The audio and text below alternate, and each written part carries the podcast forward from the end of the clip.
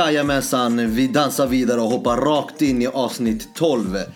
Och vi har med oss eh, Dini. Alltid här. Och så har vi med oss även Mustafa Ativi. Alltid på topp. Aboga, har ni börjat eller? Nej men jag tänkte bara, jag fortsätter, eller jag började där du skulle börja. Så, Aha, du tar över här alltså. Myteri eller? ja, men. så jag, jag lämnar över den här posten till dig nu. Eller du kan ju presentera Och- mig också kanske. Ja, så har vi som alltid eh, vår moderator och vår eh, kärleksfulla individ i Yasse. Hej hej. Ja, Ja. så du kanske vill ta över nu? Ja, du kan ju fortsätta, du har inlett det ganska bra. Okej, absolut. Eh, vi har ju haft Champions League här i, i veckan. Och jag tycker att vi kanske hoppar rakt in i tisdagens match Real Madrid-PSG. Eller kanske ska jag kanske säga PSG-Real Madrid. Om vi kör våra vanliga roller då så är jag tillbaka på min plats här yes, jag tänkte vi kan börja direkt med PSG Real Madrid. Efter 3-1 första mötet så blev det ju 1-2 nu till Real Madrid som går vidare med en aggregate på 2 och 5. Och eh, jag personligen måste säga att jag hade inte förväntat mig att det skulle se ut så här innan. När jag fick höra om dubbelmötet. Men vad kan man säga? Cristiano, det är ju, det är ju hans liga det här. Exakt. CL står för Cristiano League. Exakt. Ja, det är en spelare som levererar när det väl gäller också. Det fick man se nu i de här båda mötena. Ja, jag håller med. Ehm, Jag har aldrig tvivlat på en spelare som Cristiano. Men jag är inte heller chockad över PSGs prestationer. Eftersom det här visar sig att eh, historien upprepar sig. Eh, De har eh, satsat mycket pengar ännu en gång.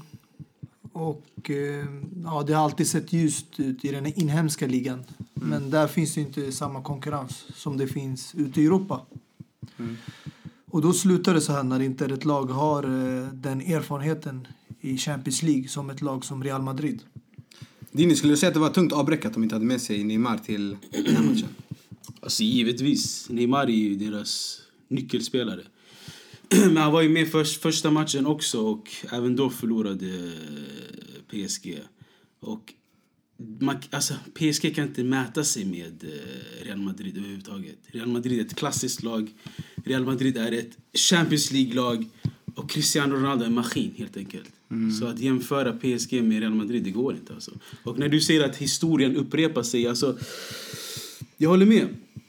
Med viss mån, när man pumpar in pengar i ett lag så vill man se resultat. Speciellt när man har Mbappé och Neymar och Cavani och Verratti och jag kan bara fortsätta hela elvan alltså. Det här är, det, det här är ett lag som ska nå semifinal. Men vi kommer tillbaka till att erfarenhet är viktigare än någonsin här. Ja, jag håller med dig. Och, eh, alltså på förhand, om man kollar startelvorna så även utan Neymar så, så känns det som att eh, PSG skulle kunna ge Real Madrid en, eh, verklig, alltså en bra match. Men eh, så var inte fallet. Det kändes till och med tvärtom. Eh, Zidane chockade och hade Isco, Kroos, Modric och Gareth Bale i bänken. Vilket var väldigt chockerande med tanke på att det här var på bortaplan och de måste verkligen vinna den här matchen. Eller liksom få ett kryss eller något sånt där. De måste spela en riktigt bra match. Och det, jag vill verkligen ge cred till Zidane för han, gjorde, alltså han fick Real Madrid att spela på ett sätt, alltså på ett mycket bättre sätt än när Modric och de här spelarna brukar spela. Och jag tror det har väldigt, väldigt mycket med hur Ronaldo eh, hur Ronaldo spelas in i det här laget när man har Lucas Vasquez, Asensio och Kovacic och mindre spel, alltså spe, eh, spelare som inte vill ta för sig lika mycket som Gareth Bale och Modric och, och så vidare. Mm. För har man en Cristiano Ronaldo eller andra spelare som bara spelar för Cristiano Ronaldo så blir det mycket, mycket enklare för ett lag och mycket, mycket enklare för Cristiano Ronaldo även. Eh, har du en Gareth Bale där och kanske en Modric eh, så kanske de vill ta för sig ännu mer och få fler chanser. Det fick vi se eh, ett prov på PSG där de inte hade. De hade inte den här kemin att man spelar för varandra. Vi kan ta ett exempel med Mbappé som var helt fri när han kom med, med en så här lite konstig vinkel men ändå. Alltså även om Gareth Bale var där, man ska passa Cavani, han var ju helt fri. Han kunde bara petat in den, det skulle ha stått 1-0 om, jag vet inte om det var första målet, jag trodde det var första målet. Och såg du hur arg Cavani blev? eller? Exakt. Och det här visar bara hur omogen Mbappé är och att...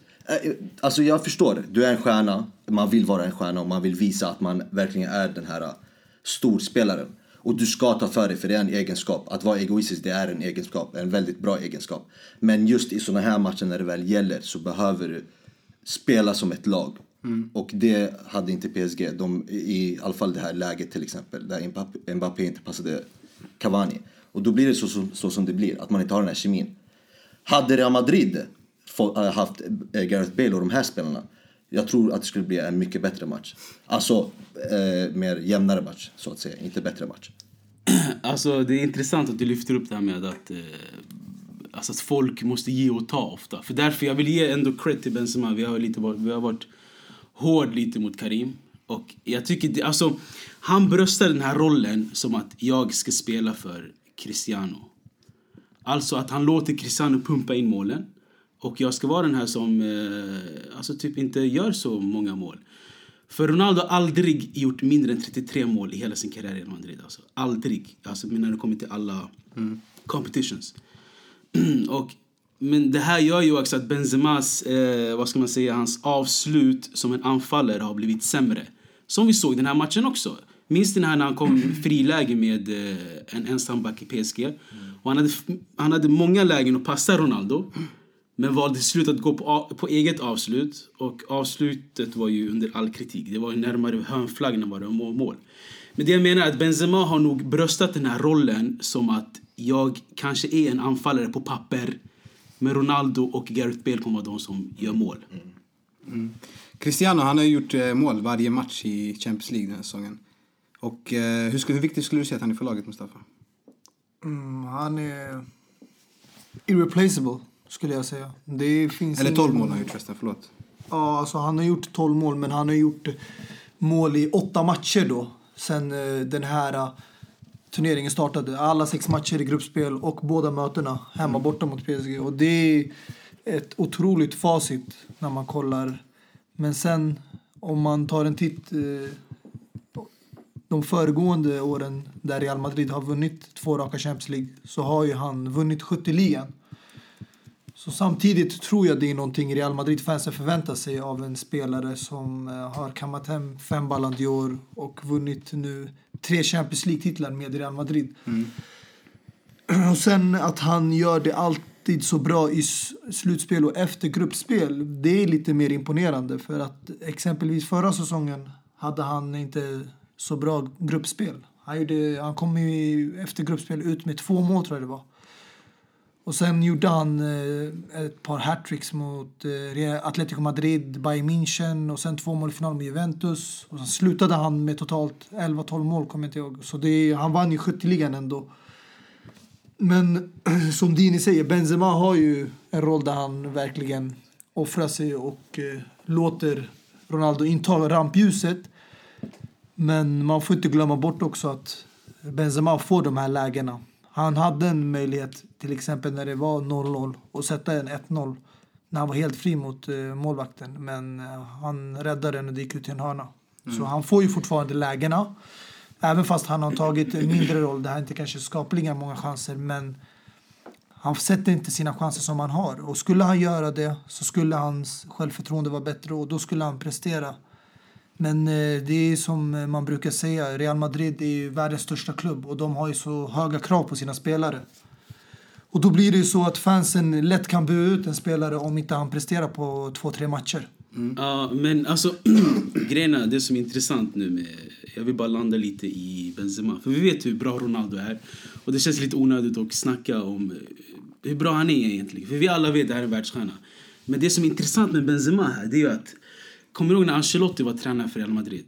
Han beskrev... Alltså, när Ancelotti tränade Real Madrid så valde han att inte värva fler anfallare än vad han behövde. Han ville satsa på Benzema för han visste vilken typ av spelare han var. För Benzema, jag kommer ihåg att Ancelotti sa en gång, han bara Benzema är nog den lataste spelaren jag har tränat. För han brukade alltid komma fram till mig under träningen och säga lyssna, hur många push-ups behöver jag göra idag?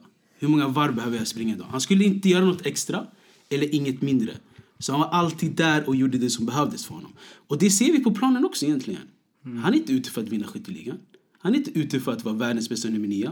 Han är ute för att, vara, för att spela i världens bästa lag och eh, liksom, han är en riktig teamplayer. Så det är, jag tycker alltså, Många spelare har olika roller och jag tycker Benzema uppfyller sin roll riktigt bra. Han är inte den här som behöver sätta sig själv i centrum. Som Cavani, som Lewandowski. Han är den här nummer nian, han vet att han har Ronaldo framför sig. Låt Ronaldo bara göra sina mål. Exakt, och det är det som jag gick in på innan. Att det, är, det är det som gör så att ett lag eh, fungerar när man spelar för... Ja, lite taskigt att säga, men när man spelar bara för en spelare. Speciellt nu, alltså hade, hade han varit en väldigt stor målskytt Cristiano Ronaldo skulle inte få alla de här lägen. Kemin skulle bli mycket värre. Om Gareth Bale var även en sån liksom, som bara ville ta för sig och bara ville göra mål och sånt. Kemin skulle inte funka. Eh, Då skulle Cristiano Ronaldo vilja... Det skulle bli lite av en Zlatan-Messi-situation när, de var, när han var i Barcelona. Exakt, det Att, tror jag också. ja, att Zlatan kanske tog lite för mycket när Messi egentligen ville lev- leverera och då funkar inte det. Just i den här matchen, då funkar det verkligen för Lucas Vasquez och Asensio, spelarna, de, de ville bara spela på ett sätt och bara ge bollarna till Cristiano Ronaldo så att han kan leverera. Och de gör det med glädje och jag känner att Benzema även gör det på ett sätt, även fast han inte gör så många mål som han kanske bör, behöver göra faktiskt. För, alltså, exakt, för man kan ändå säga på ett sätt att spela för en spelare är alltså, En taktik. alltså, ja, ett, alltså en teamplay. För om vi typ Napoli, deras spelsätt är att mer kollektivt spel.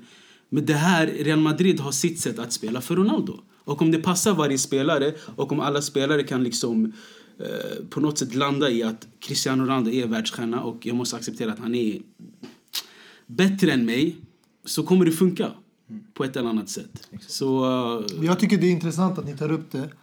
För att Real Madrid, om du kollar som du sa i Ancelottis tid, då gick det ändå ganska bra för Benzema. Och Gareth Bale för den delen. När Di Maria var där och de vann Champions League, alla gjorde mål.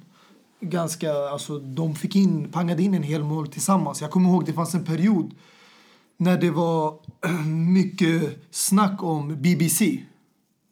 Bale, Benzema, Cristiano. Den där trion.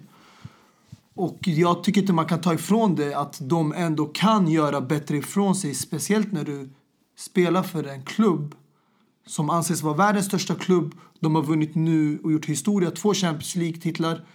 Och om jag vill jämföra med ett lag som har en världens bästa fotbollsspelare i Barcelona, Messi.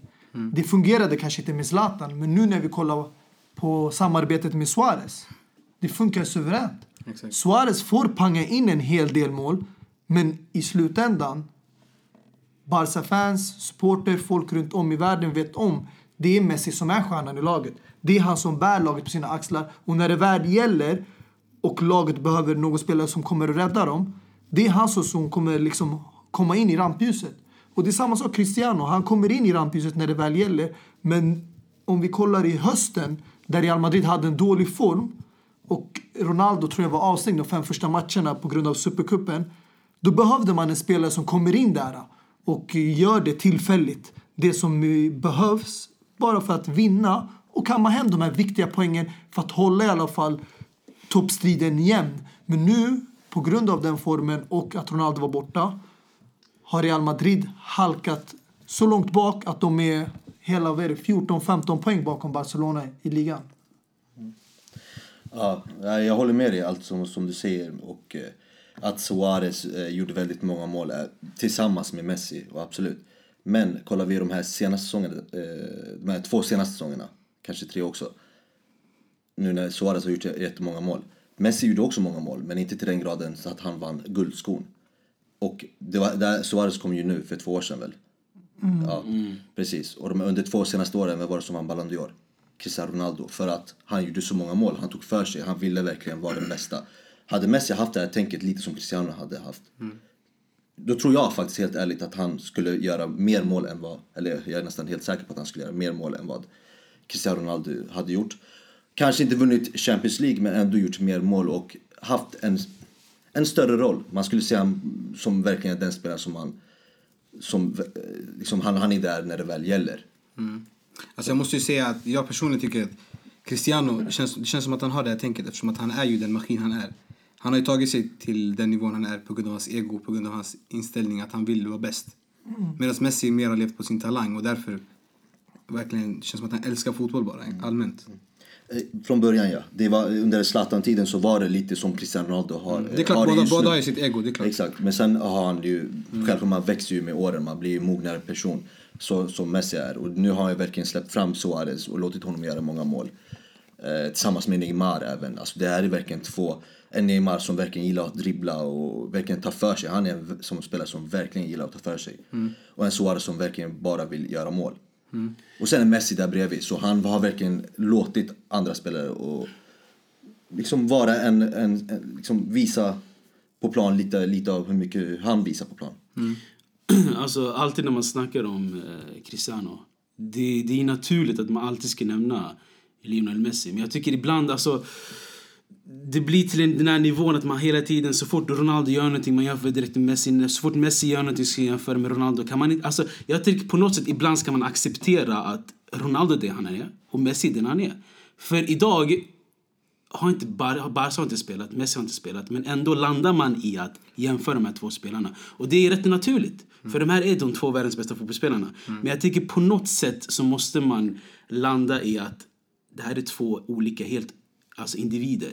Och de är då världsstjärnor vi är. Och jag tycker vi ska alltså, Uppskatta. Eller? uppskatta att vi lever i den tiden där de här två spelarna spelar tillsammans under alltså, de här seklen eller vad man ska säga. Absolut, absolut. Eh, Så därför vill jag landa lite mer i PSG. Alltså. Alltså, de har ju ett rejält djup i sin trupp. Alltså. Om Neymar är skadad kan de ta in Di Maria. Om, om, om någon annan är skadad kommer de ta in Draxler. Så de har riktigt många spelare. Så är det bara på grund av erfarenhet om de inte kommer där de kommer. För det är ju ändå alltså, rätt bra spelare som borde, kunna spela ihop. Alltså, ja, det, det, det är rätt bra spelare med att kunna spela ihop. Det, det tror jag faktiskt inte. Det är jättemånga spelar, spelartyper som är likadana. Många som gillar att dribbla sig igenom. Och alltså ja, det, de... Hur menar, alltså, vilka typer av spelare tycker du är likadana i PSG? Lite av Neymar, Mbappé, Di Maria, Dra Mm. eh, Draxler till, till reserverna, till Ben Arfa. Alltså spelarna som verkligen, det är likadana spelare. Även han en, en Koko som, eh, Exakt. som spelade i ligan och gjorde mål. Exakt. Ah, Jag håller med dig, det är alla typer av... Sam, påminner om United lite. Mm. Att vi bara värvar yttrar. Exakt. Och spela, det, är, det jag menar. Och Cavani är ju, jag har ju sagt att, att nummer nio är väldigt, väldigt viktig. I, alltså, på planen. Det är han som ska göra målen. Har du inte en nummer nio som ska göra målen så behöver du en Messi eller Cristiano Ronaldo. Det, det finns ingen annan helt enkelt. Neymar, absolut han också. Du ska spela för honom. Men till och med där så blir det lite som att Mbappé också vill visa jättemycket. Cavani är den som bara vill göra mål. Vi såg ju i höstas hur mycket beef de hade tillsammans, Cavani och Neymar. Det, det, det, är ingen, det är ingen kemi i PSG och jag har inte känt att de har haft det hela den här säsongen. Även fast de har dundrat in mål mot ja, franska liksom, lag som kanske inte är tillräckligt bra. Där kanske du bara behöver ha tekniska spelare som bara kan göra deras grej. Men när det kommer till en sån här stor scen som Champions League så behöver ett lag som spelar tillsammans och vinner. Speciellt mot ett lag eh, som Real Madrid som har vunnit eh, under de två senaste säsongerna, Champions League. Liksom. Abba, skulle du säga att eh, kemin inte finns där eftersom att eh, de inte får den utmaning eller den stimulans de får i ligan som andra lag får i Premier League, La Liga, Serie A? Exakt. Att de kanske spelar mot lite mindre lag och sen kommer ut i Europa och möter Real Madrid. Absolut, det, det är en väldigt stor faktor, eh, faktor också. eh, Som kan spela in. Det är exakt så som du säger, jag gillar det, det du sa.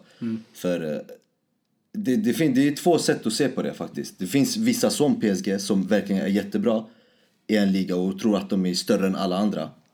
Som kommer, sen- senare kommer in i den stora scenen och kanske gör bort sig. Inte kanske gör bort sig men kanske tror att de är allt för bra men förlorar. Sen finns det även andra lag som är bra i sina ligor som till exempel Shakhtar.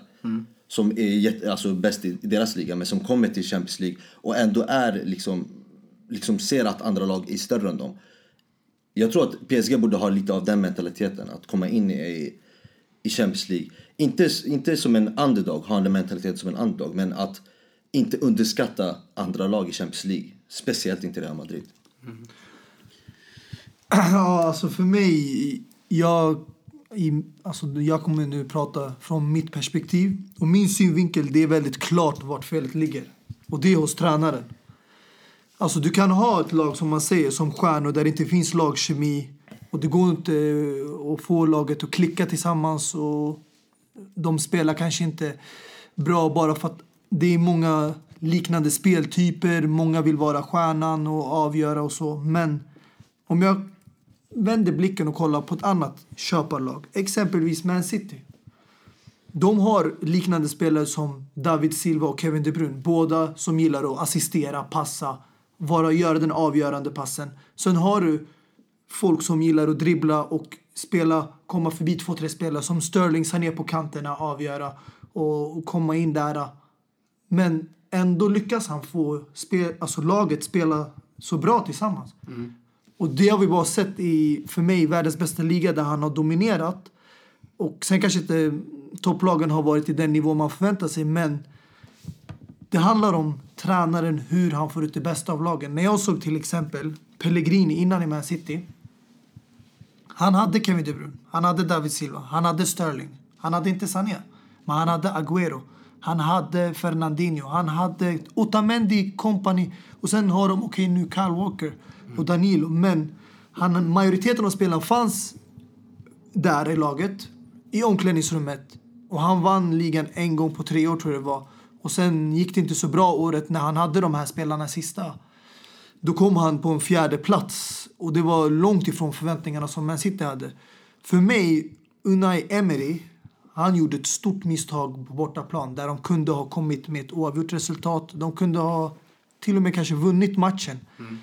Men istället gjorde han byten som att ta ut Cavani i 70 minuten när det går bra för laget. Man tar ut det enda hotet på toppen. Och han försöker defensiva byten genom att ta in eh, Munier i högerbacken och sätta in Alves offensivt. Och det här är inte första gången. Förra året när Barcelona vände 4-0 till 6-1. Jag tycker Di Maria och Kim Pepe var en av de spelarna som stack ut på hemmaplan. Men vad gjorde han borta? Han sätter Di Maria på bänken. Och han bänkar Kim Pepe som har gjort en otrolig match som folk pratar om hur han höll Messi och sätter in Thiago Silva för att han är tillbaka precis från skadan. Mm.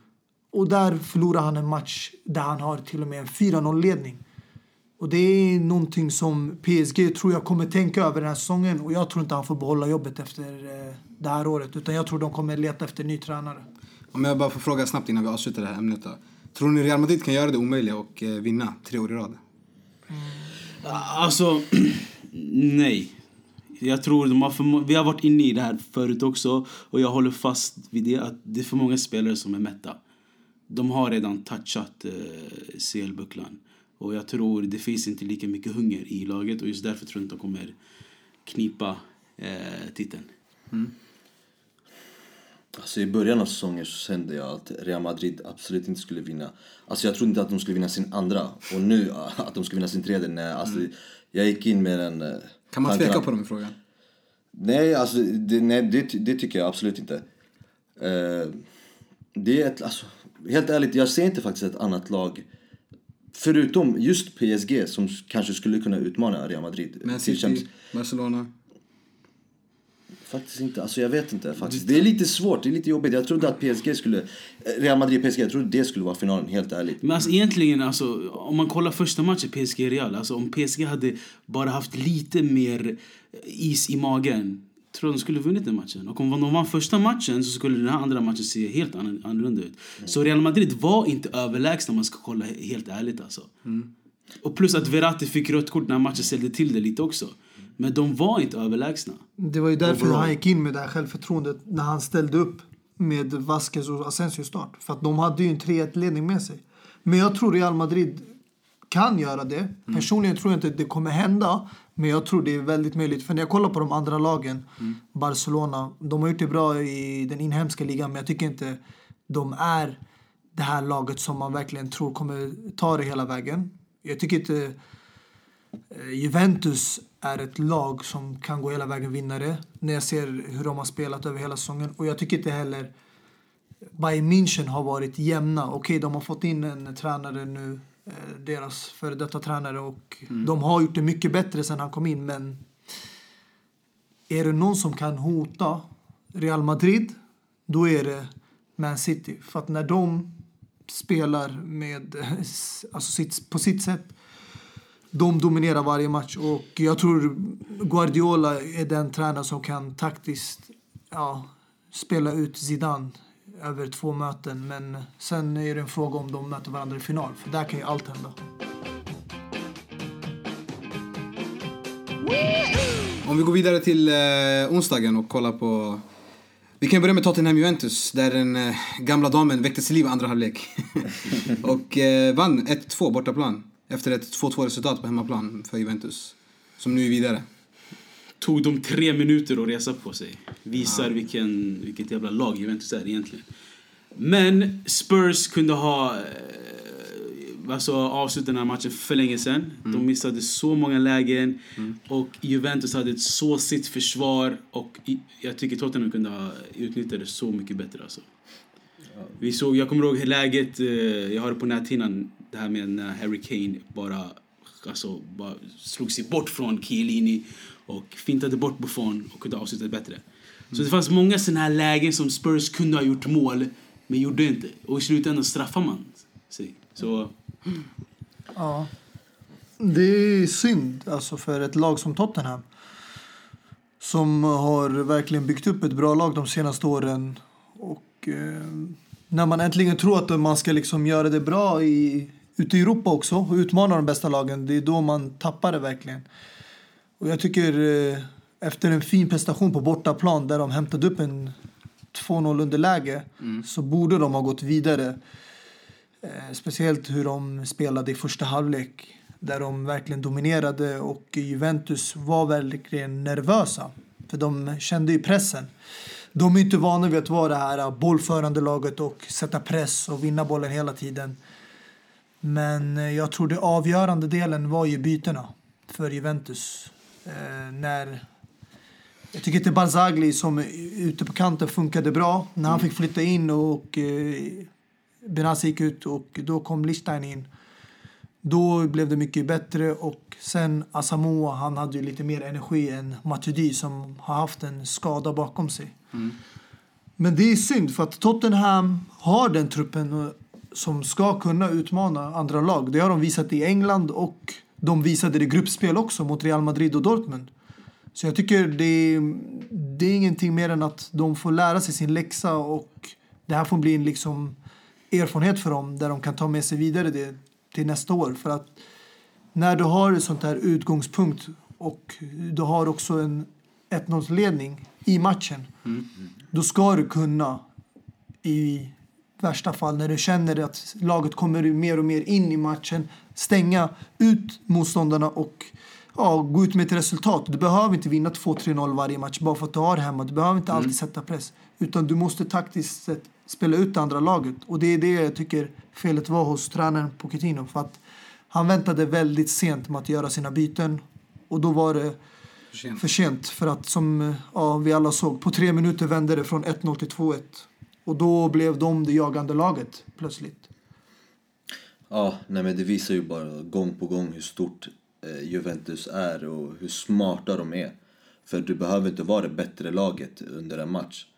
Eh, det gäller bara att vinna matchen och eh, jag tror att det var Allegis sätt att spela. Att, eh, vi såg det i första 15 minuterna där han lät eh, Tottenham föra matchen i början. De förde ju hela matchen, alltså självklart. Men första 15 minuter var det bara de som hade boll och Juventus försökte kontra.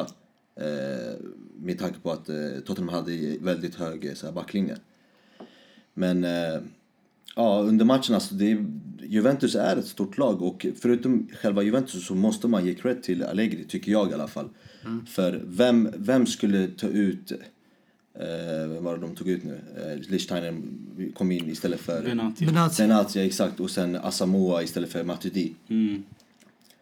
Alltså ta, ta in två ytterbackar som kan göra sån här stor skillnad. Alltså det, det är bara en tränare som kan tänka det sättet. Alltså är man en supporter eller bara, bara om man kollar på själva matchen så jag skulle aldrig förvänta mig att han skulle ta in såna spelare. Han behövde göra mål. Då behöver han inte få in någon anfallare eller något sånt. Visst, Mandzukic spelade inte just den matchen men lite av en offensiv spelare skulle, jag vet inte, var Bernadeschi där? Nej, alla, Nej, alltså, de hade Mandzukic jättemånga skador. Alltså, Mandzukic var skadad, Bernadeschi var skadad. Ja. Så med tanke på att de hade den här truppen, som du säger, och tog in Lichsteiner som helt plötsligt blev en stjärn ytterback med sin assist och allt det där. Det är Massimo Allegri alltså. Det är ju Allegri och han förtjänar verkligen jätte, jättemycket cred. Och, Även alltså Pochettino, som eh, Mustafa nämnde lite. Det här är ju en bra tränare. Så jag tror alltså i längden kommer han landa i säg Real Madrid eller Barcelona. För han är ju själv från Espanyol tror jag han spelar. Så det, det, det är inte omöjligt att han landar någonstans där. Men jag, jag tror att han kunde liksom, jag tror han saknar den här sista tredjedelen. Han börjar alltid bra matcher och han kan stänga matcher om han vill. Men han väljer att inte göra det på något annat sätt. Och när de låg under 2-1 så kunde han tagit in Fernando Llorente mycket tidigare än vad han gjorde. Han, gjorde. han tog in han typ 86 minuter och sånt där. För Llorente verkligen visade eh, att han var kung i, luften, i luftrummet. Och, eh. Ja. och kom in och var den här target-spelaren. Så eh, han kunde ha spelat ut sina kort. Alltså, jag bättre, tror- alltså. Ur ett taktiskt perspektiv, jag tror tanken med Lichstein och Asamoah, det var att jag märkte i första halvlek, det var mycket spel inne på banan från Juventus. De försökte komma in mellan backarna. Men han valde att ändra den spelstilen och köra på inlägg. Och då blev det ju massa inlägg, inlägg och det var ju så 1-1 målet kom. Från ett inlägg från Lichsteiner som eh, skarvades från Kedira. Och eh, Asamoah stärkte ju till bara Alexandro där på kanten för att de ska ha två spelare som kan komma in och lägga inlägg och ja, sätta mer press. Och sen hjälper det också till när man försvarar, när man har två yttrar. Men eh, det som chockerade mig det var att Pochettino, han valde inte att utnyttja tre byten. Han gjorde två byten och han hade spelare som Sissoko och Lucas Moura. Alltså det här är spelare som har officiella kvaliteter. Även om inte de är startspelare, de kan hjälpa till i sista tredjedelen och i sista minuterna när spelarna är lite slutkörda. Och då sätter man mer press på Chiellini och de här äh, som äh, har spelat 90 minuter och även spelat i helgen. Men istället så väljer han sätta in äh, Llorente väldigt sent och han väljer inte att ta in Lucas Moura eller Sissoko. Och det är sånt som man tycker är synd för att det är sånt man vill se när ett lag ligger under att de utnyttjar alla möjligheter för att kunna vända match. Och å andra sidan så kunde han ha tagit in Wanyama redan eh, efter halvlek eller 16 minuter för att stänga matchen och bredda på mittfältet. För de hade bara två renodlade mittfältare och det var Dyer och Dembele. Ja, Wanyama, precis. Varför, varför var han på bänken? Varför startade inte han istället? Och jag vill, jag vill verkligen gå in lite i Dini här. För, eh, Dembele. exakt. Jag visste det. Varsågod. Exakt. Varsågod. Jag blir glad i alla fall att eh, lite av mina argument kommer in här och jag prickar rätt. Vad Just var det som jag sa. argument? Mina argument var att he, ja, hela världen, inklusive dig och alla liksom gav han jättemycket liksom eh, Cred och- cred och- och, och- hela grejen. För, att, för det han gjorde just i Turin, inte för något annat. Bara just i Turin, för det var han gjorde just där. Och mitt argument var på grund av att de inte hade några, någon Kedira som fanns där. Eller hade, det var Pjanic och... eh, De hade Kedira och Pjanic, men de Exakt, hade som inte Matuidi. Exakt, och mitt, min, eh, det jag sa, mitt argument, det var att de behövde tre mittfältare där på, eh, som, eh, som kunde spela där i mitten. En Matuidi, som jag sa att man kunde spela med eller någonting. Och då skulle Dembele inte få så mycket utrymme eller någonting. Helt rätt. Men god damn, den här matchen. Alltså han hade bokstavligen ingenting att göra i här matchen. Och ändå fick han spela hela, eh, hela matchen. Och det är till något sätt eh, en grej som man kan ta upp eh, eh, till den här eh, eh, Pochettino. Han kunde tagit ut honom istället. Istället för att säga att han kan ta in den här spelaren, han kan ta in den här spelaren. Men grejen, Dembele är ju ändå en drivande typ av mittfältare. Och eh, alltså det sjuka jag upptäckte ju inte Dembele under Turin-matchen som massa andra gjorde. Jag upptäckte Dembele back in 2011 eller något sånt där. Så det jag försöker säga är att Dembele har varit en stjärnspelare sedan Fulham-tiderna. Och att en spelare har en dålig match, ja fine, whatever. Men Men, det han var, hade, det var Tottenham hela som laget. Du kan inte bara... men ni kan inte säga sådär, för han hade ingen dålig första halvlek. Han hade en Första halvlek match. så dominerade Tottenham. Och då var Matuidi på planen, men när var det eh, Juventus vände? Det var ju när Matuidi byttes ut och Asamoah kom in. Och då hade de en, två yttrar. När det var tre man mittfält, jag såg matchen, alltså Dembele var riktigt bra. Det var en sekvens där när han vände bort, jag tror det var Pjanic och Kedira samtidigt. Och han gick mellan dem, de drog i hans tröja, de kom undan gult kort. Han var bra, men Jag håller med, han behövde förstärkning. Jag tycker det Pochettino borde ha gjort Mm. det är att inte ta ut Dembele utan han borde tagit ut Delali och tagit in Wanyama. Son var bra och förtjänar att vara kvar på planen och jag tycker man borde lagt tre man mittfält med Dyer, Dembele och Wanyama för då skulle Dembele få mer frihet och då har han liksom, han har ett skydd bakom sig med Wanyama. Men, Men nu alltså- fick han för mycket att bära på sina axlar. Att han ska vara den här mittfältsrollen, han ska ta fram bollen fram och tillbaka. Och Dyer, han gör inte så mycket än att bara liksom försvara och skydda backlinjen. Han är inte så bra när det kommer till den offensiva delen. Men eh, det är det jag menade med att... Eh, vad heter han? Pochettino eller Pochettino? Poche- Pochettino skulle jag säga. För du sa Pochettino. Jag, jag sa Pochettino. Det låter Ska- lite annorlunda. Ska vi bara säga Ja. jag säga. Marre. Nej, men i alla fall eh, Spurs-tränare. Eh, han- han saknar den här sista tredjedelen. Han är alltid bra på att ta ut laget. Men bytena och vem man ska ta in och så, jag tycker han saknar det lite. Han borde lära sig från Mourinho. Och det, tack för att du sa Mourinho. Men det känns som att varje tränare har det här problemet som eh, eh Pochettino och Mourinho har. Det är att, om jag ska jämföra Dembele och Pogba lite, att båda har den här eh, offensiva och drivande rollen men ändå låter de dem spela lite den, alltså på den eh, sista delen av planhalvan. För om, om, om man hade tagit in Wanyama Eh, och hade låtit spela han eh, som en defensiv mittfältare så hade Dembele haft lite friare roller. Samma sak med Pogba, men ändå låser sig båda de här tränarna att, att spela som de här eh, vattenbärarna mitt, mittfältarna. Mm. Exakt, det är det jag menar. Alltså, jag säger inte att Dembele är en dålig spelare.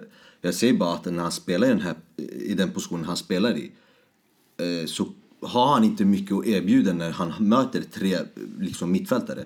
Och det, det, det funkar inte så. Därför tycker jag att, han, att på Mauricio eh, borde spela... Eh, han borde ha spelat eh, Wanyama istället där. Och skulle det ha gått lite eh, liksom sämre under matchen så är det, väldigt, alltså det är verkligen en jättebra spelare att slänga in, Dembele. Ja, men grejen är, men, alltså, problem, alltså, problemet med Dembele det är att han är lat. Alltså jag var inne på lite att Benzema var lat och så. Det är typ av den här mentaliteten han har lite. Det är att han, han, är, han är ingen 90 minuters spelare. Han gör inte mer än det behövs. Ja, exakt. han är gör tillräckligt. Alltså, han är en riktig futsal-lirare alltså. Som har gjort det bra nu i, i, i, i de här stora finrummen och så. Men Dembele har aldrig haft den mentaliteten. Jag ska bli världens bästa mittfältare. Jag ska eh, glassa i Barca eller Real Madrid. Han, han mår bra i London. Så eh, när det kommer till att Tottenham möter sådana här lag som Juventus, tyvärr, Dembele är ingen spelare man kan räkna med. För Dembele presterar bra, bra mot de här äh, sämre lagen i Premier League. That's it. Men jag tycker ni är lite hårda mot honom. Alltså, Nej, men ja, jag tycker allmänt om du är en mittfältare som driver ett, ett, ett lag i Spurs, du ska kunna räkna med. Kolla, vi är alltid snabba och kritiserar spelare. Men ändå är det alltid tränarens jobb som står på spel. Och det finns en anledning varför. För mig, Tottenham hade matchen fram till att Juventus gjorde sina byten. Jag kommer ihåg Mourinho när han var tränare i Chelsea. Han anpassade ibland sina byten efter motståndaren. Han såg tränare gjorde byte och han hade ledningen. Och då gjorde han byte direkt. För att han vet, om de tar in en till offensiv spelare eller en kantspelare, då sätter vi en till spelare på honom. Så markerar vi där, så täcker vi den kanten eller den ytan. Och det Pochettino inte gjorde, han avvaktade, kände att ja, vi har 1-0 ledning, de behöver göra två mål för att vända. Men man märkte ju själv alltså hur snabbt matchbilden ändrades när Juventus gjorde sina byten. Och redan då borde Pochettino ha gjort byten för att kontra Allegris byten. Och då skulle matchbilden ha ändrats. Det vill säga man anpassar sig efter motståndaren. För fram till det där så tycker jag att Tottenham spelade bra och gjorde det mycket bättre. Men han väntade för länge med sina byten och kan vi... laget blev avslappnat. Kan vi, kan vi prata om en spelare som, som jag tycker ska pratas om? Jag tänker på Paulo Dybala. Han var ju skitdålig den här matchen så jag vet inte varför vi ska ens nämna den här spelaren. Han, om vi snackar om Dembele, han var ju sämre än Dembele tills han gjorde det där målet. Men- Han en riktigt dålig spelare så Jag tycker, jag tycker ge men, cred till de som förtjänar cred och ge, vad, vad ska vi kalla det? Ge bajs till de som förtjänar bajs. men alltså, kolla, vi måste vara helt ärliga. Det är som Abbas säger. Juventus var inte jättebra den här matchen. De hade en kort intervall där, där de vände. Men bortsett från det så var Tottenham det bättre laget. Men det är såna här lag som har erfarenhet i Champions League, som är storklubbar, som har den här historien. Deras lägsta nivå är ändå bättre än andras högsta nivå. De kan lyckas ta sig vidare, vinna en titel till och med i en final där de är sämre än motståndaren på grund av deras kvalitetsspelare som behöver bara ett läge för att avgöra en match. Vi såg Son missa ett läge, Harry Kane missa ett läge. Dybala direkt med ett läge och han satte den i- högt uppe i krysset. Vi hade ett par handsituationer i matchen också, när, eh, bland annat när Chiellini när han gled straffområdet till det. Vad tycker ni om eh, dem? Är det någonting som man kan blåsa straff på eller? Alltså, i min mening, det var ingen straff. För vad ska han göra? Han landade med armen på gräset. Han kan inte göra så att armen försvinner. Så eh, för mig, det är ingen straff. Jag vet inte om folk håller med mig här eller inte. Och sen tänkte jag också på, eller du kan ju svara på den frågan först Mustafa. Ja, så jag, jag såg ju en annan hans situation också tidigare. Men det, vad tycker du om den här handsituationen då? Som Chiellini? Alltså jag skulle inte säga att det är en eh, straff som är självklar. Men... eh, Om det blev straff, du skulle Alltså, bli förvånad. Douglas Costa till exempel blev ju fälld, men det var lite efter. Alltså Vertongen träffade inte honom när han glidtacklade i början, men han landade på Vertongens ben efter eh, stegen där bak och då tappade han balansen. Men det där kunde ha varit en straff. Det borde ha varit en straff. Men eftersom Tottenham inte fick straff så tycker jag det var rättvist att domaren inte dömde straff eh, liksom på båda hållen. Men mm det var ju flera hans situationer från Juventus del. Det var i början Benatia när han hoppade upp med armen, skulle rensa med nicken och fick den på armen, nickade. Och sen hade du där eh, i andra halvlek en annan situation när eh, Chiellini skulle blockera ett skott. Och då gick den under benet och träffade armen. Och där kan man känna att det där var en viktig del av matchen där det kunde ha vänt för Tottenham och de gör reduceringsmålet och det liksom kommer tillbaka till 2-2. För att det kunde ha blivit straff eller det kanske var strax utanför straffområdet men det är i alla fall en farlig frisparkssituation för en spelare som Eriksen. Ja, precis. Och den här handsregeln, alltså, det är verkligen den svåraste regeln i, inom fotbollen. Och eh, om man ska gå in lite så här regler och sånt eh, så har domarna no- något som heter RAP-metoden eller RAP-metoden. Eller hur man vill, ja, hur man vill säga. Och R står ju då för rörelse, A står för avstånd och P står för position. Och det är det här de, eh, domarna utgår efter. Liksom, tar vi först rörelsen. Hur, var, liksom, hur rörde sig Chiellini när han eh, fick den här bollen? Hur, hur var hans, alltså rör, var hans, var, gjorde han det med flit, med rörelsen? Sen har vi också positionen och det är det som är det största dilemmat. Hur, vart stod han när, när bollen liksom kom till honom? Gör han sig, alltså gör han sig större för att verkligen få, alltså, ta bollen helt enkelt? Och sen eh, liksom, har vi också av, avståndet är väldigt viktigt inom fotbollen också. Och i det här läget med Chiellini så det var inte så att han, eh, alltså bollen bara rullade på hans arm. Alltså den var precis bredvid honom. Det var inte så att Kane sköt det eh, på ett, på på ett liksom, en eller två meters avstånd och den träffade armen. Den var liksom precis bredvid honom. Så går vi efter den här eh, metoden som domarna går efter så håller jag absolut med dem att det absolut inte ska vara en straff. Ja. Väldigt intressant. Kan man säga någonting emot det där, alltså? Nej, du la upp det jättebra. Men om vi ska eh, fortsätta på den här rap-metoden. Eh, Rappa på din. eh, straffen som Juventus borde ha haft, Douglas Costa. Det är en solklar straff, enligt mig. Det är det enligt mig också. Mm. Det, ja. Vad säger rappmetoden? Inte solklar, men jag håller med. Det är straff. Ja. Men å andra sidan, Tottenham skulle ha haft straff när Benatia fick hans. Och det känns som att nu när jag kollar på era ansiktsuttryck här så var det inte någon som såg den sekvensen. Nej, det jag menar är, är det, men, alltså det du försöker säga, är rätt att, att, att, att, att, eh, reducera, eller vad heter det, kvittera med straffar? Bara för att Juventus skulle ha haft en straff så ska han göra så att Tottenham inte får straff. Ja, är det rätt jag- att göra från domaren? Ja, vill du veta varför? För att när jag kollar på situationen från mitt perspektiv det är att Douglas Costa situationen var en straff men det var ingen solklar. Det var det mest solklara straffen jag sett det här året. Han landade på hans ben efter, han trampade och då tappade han balansen. Det var inte att han träffade honom när han kapade Men utan han hade ju inget med bollen att göra, han rörde inte ens bollen. Ja, och då kan jag säga samma sak som när Benatia försökte rensa så styrdes den på hans arm åt andra hållet. Hans arm ska inte vara där uppe i luften. Och om ni inte har sett eh, den eh, sekvensen så får ni Vi har- jättegärna vi titta i har repris. Och så finns det andra situationer när eh, Chiellini skulle blockera ett skott och fick armen där bak. Jag säger bara att det är bra av domaren att vara rättvis, att känna okej jag dömde inte straff åt den här sidan, då gör jag inte det åt andra Fast hållet. Mustafa, är inte det så att domaren alltid ska vara rättvis? Även om han, inte ser, om han ser en situation på ett sätt, då ska han döma på det sättet. Tycker du att han ska anpassa sig? För det, det kan gå helt fel i så fall. Om han ska hålla på att anpassa efter vad han... Eh, Ja exakt, för Känner. är, exakt, för, för om, han, han, om man märker att han har gjort eh, ett misstag tidigare och inte dömt ett straff, ska han bara för det inte döma för det andra laget för att han inte dömde för det första laget?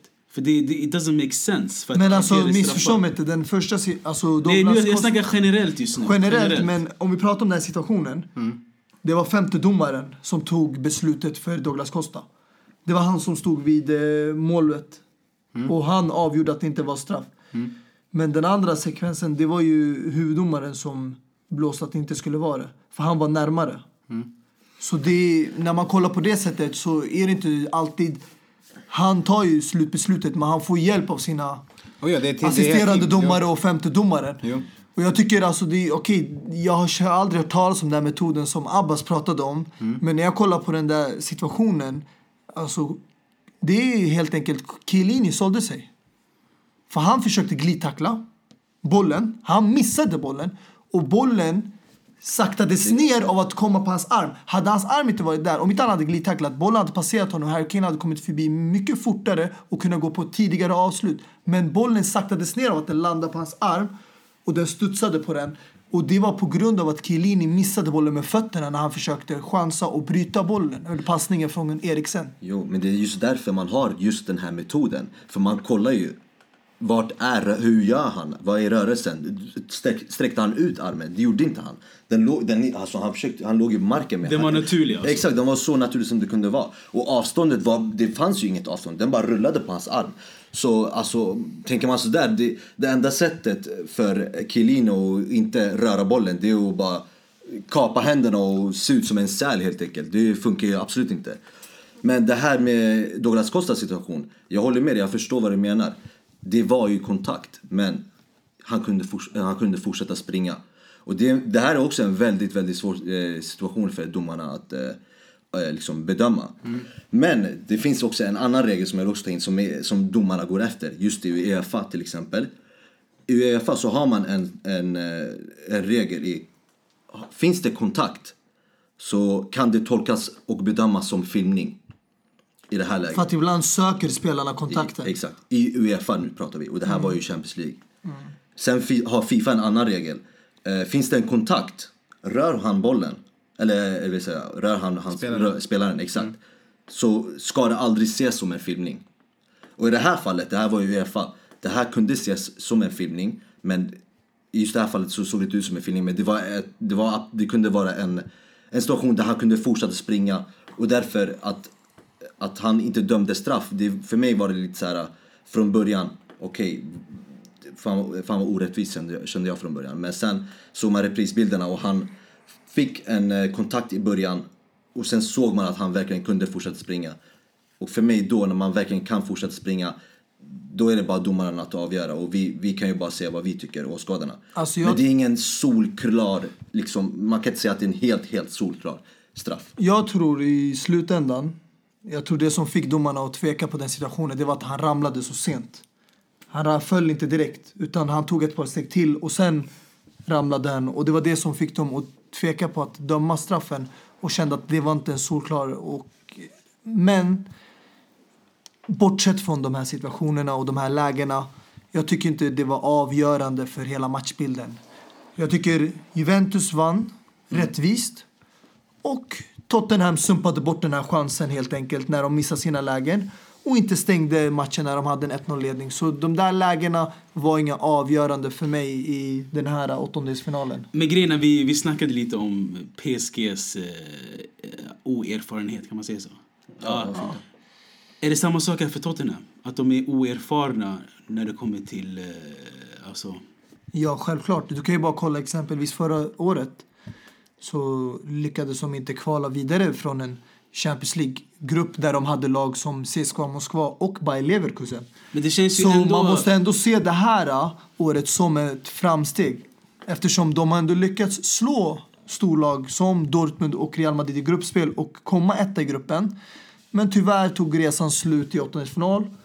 Jag tror de kommer lära sig sin läxa. Sen om Pochettino är kvar nästa år och in, eller går vidare och coachar ett annat lag, det vet vi inte om. Men vi får väl se. Men alltså jag tycker även spelarna i sig visar lite oerfarenhet och lite omognad. För jag tänker på en alltså, situation som hände efter matchen som fångades i bilder av spelartunneln. Eh, Moses Sissoko hade på sig någon, alltså någon luva, träningsjacka, ville inte synas och ville catcha Buffon när han kom in i spelartunneln för att ta hans tröja. Men eh, vi lever i 2018, ah, det finns kameror överallt. Så han blev fångad när han tog, alltså när han fick tröjan av Buffon och stoppade den i jackfickan lite, lite diskret och sen gick vidare. Mm. Alltså, inte för att han gjorde något fel, jag, jag uppmanar såna här grejer. Det är, det är, han visar bara att Buffon är en jävligt stor spelare. Eh, kanske har han som en eh, idol, fan vet jag.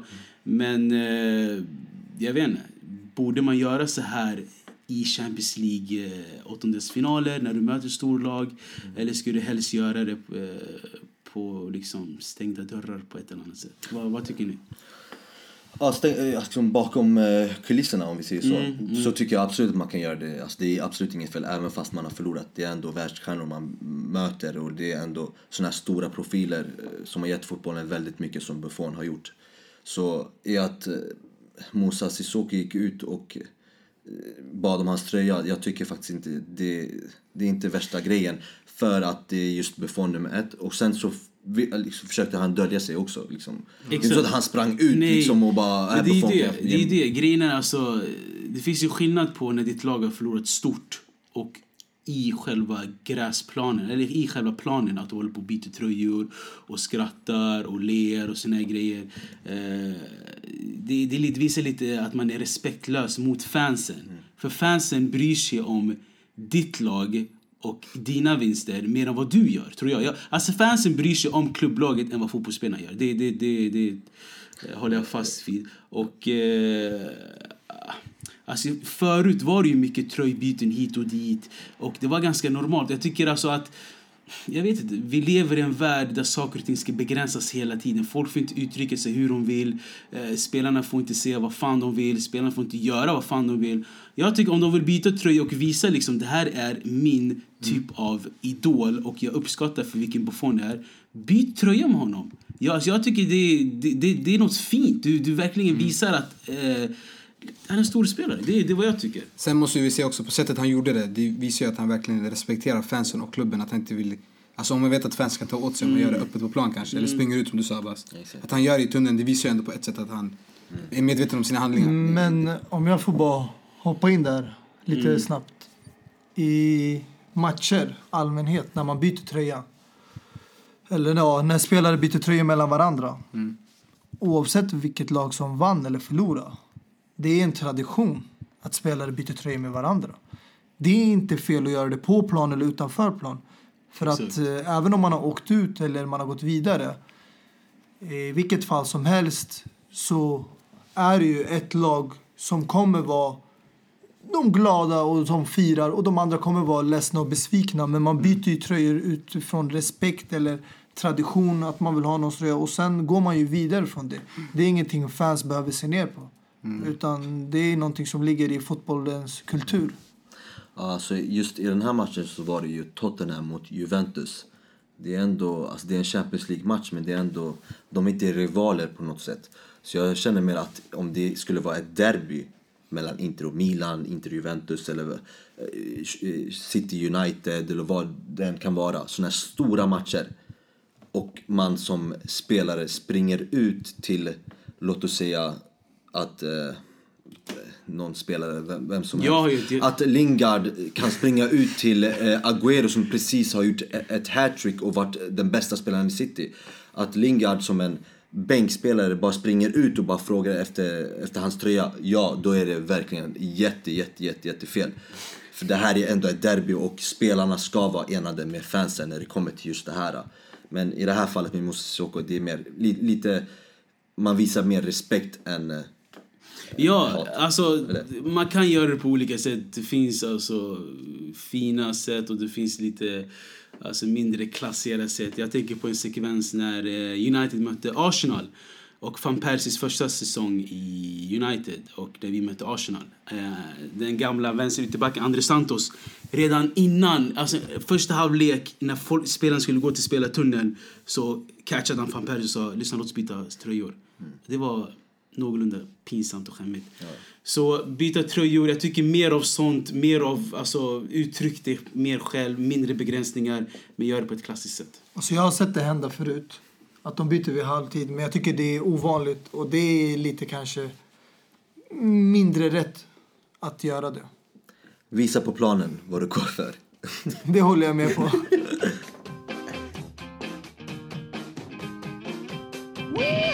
Om vi lämnar eh, veckans Champions League bakom oss och eh, fokuserar framåt mot helgen. Är det något ni ser fram emot grabbar?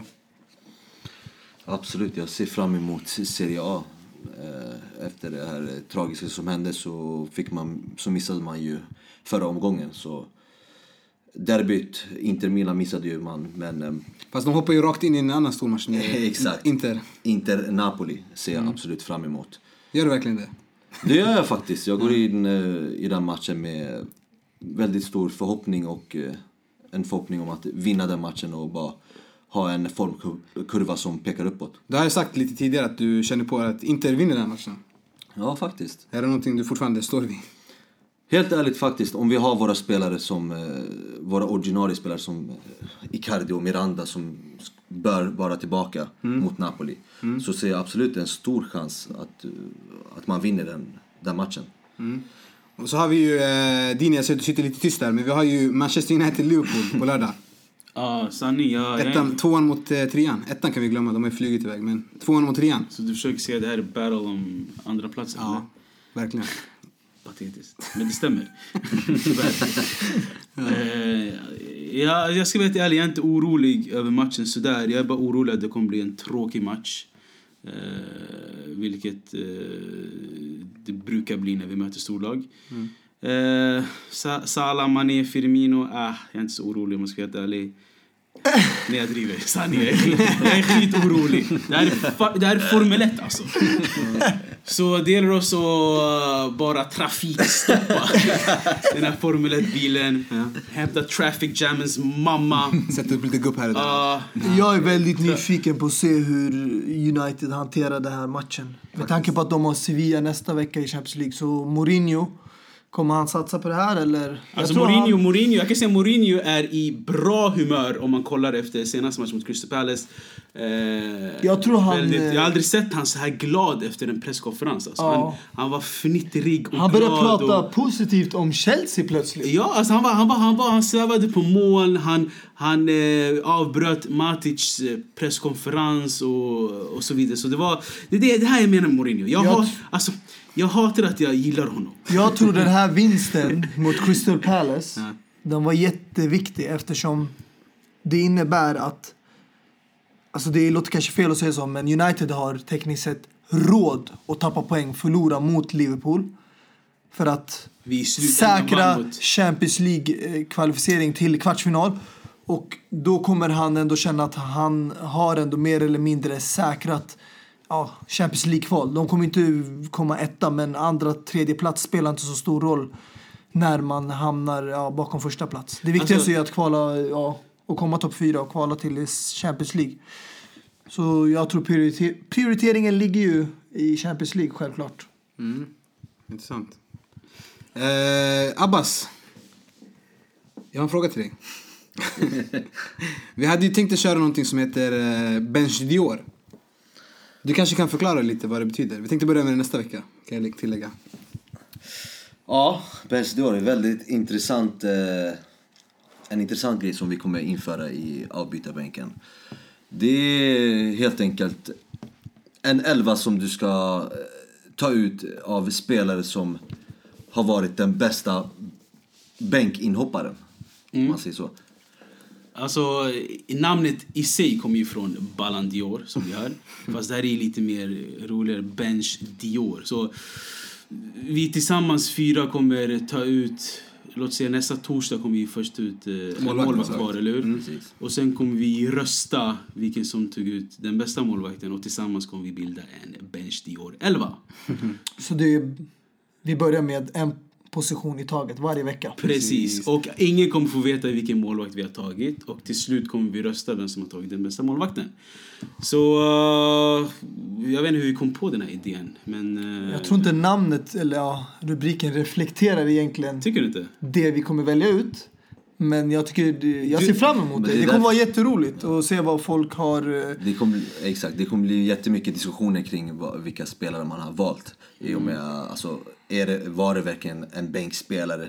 Exakt, så alla får definiera vad de tyckte var bench då. Var det eh, alltså, den bästa andra målvakten de hade eller var det en målvakt som satte stämning eller var det en målvakt som var bra på straff? Alltså det är, det är mycket som kan- kommer gå spelet. Jag ser verkligen fram emot den Lite här namn som poppar upp serien. här i huvudet för mig också måste jag säga. Men jag ska hålla dem för mig själv grabbar. Men det kan också vara nuvarande spelare som spelar idag. Absolut. Absolut. Inte bara genom Vi har historia. inga gränser på vem som, det är vem som vi kan ta ut. Men sen måste det också finnas en gräns till vad... att det en gränser? Nej men en gräns till vad, vad en bänk verkligen är. En Ja, bänkspelare. alltså en Jag menar, spelare- du kan ju inte säga till exempel att... eh, ja, jag vet- Nu, vet jag, nu blir jag lite så här. vi- Spelar han verkligen där när Roberto Carlos spelade där?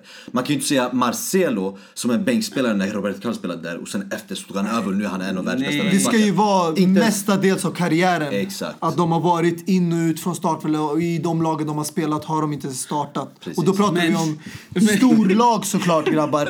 Lag som är uppe i toppen, inte mittenlag och bottenlag. Men ja, jag vet, men det är en intressant fråga du väckte där. Typ Jerzy Dudek var ju en grym målvakt i Liverpool. Exakt. Men var en otrolig bänk eh, målis i Real Madrid. Så är han en bench, är han kvalificerad för bench? och sen har du Så vi kanske exempelvis får... Toldo. Exakt, Så- det, 12, det, nej men alltså Det är inte det, det, är precis, det, det var precis han jag ville nämna. Kan vi verkligen nämna Toldo? För han var ju verkligen den bästa, in, Men det eh, bästa målvakten i, i, under sin tid Men- han men spelade vi- Inter. men kan sen ju- kom ju Julio Cesar och tog över och då blev han andra målvakten. Är han verkligen en bänk då? Det kommer bli mycket diskussioner Exakt, exakt, vi kan göra så här att vi kan ta definitionen lite bättre nästa torsdag och eh, köra på det. Men nu har jag i alla fall fått folk höra vad vi eh, är mer inne på vad vi ska göra. Så bästa, bästa bänknötaren i alla fall. eh, Precis. Och Det vi ska hålla till nästa torsdag och på måndag kör vi vanligt helgens lirare. Eller hur? Självklart. Det, Känner du dig nöjd med det Abbas? Absolut. Jag vill bara nämna en grej och det är att eh, vi kommer ju som sagt börja med målvakter.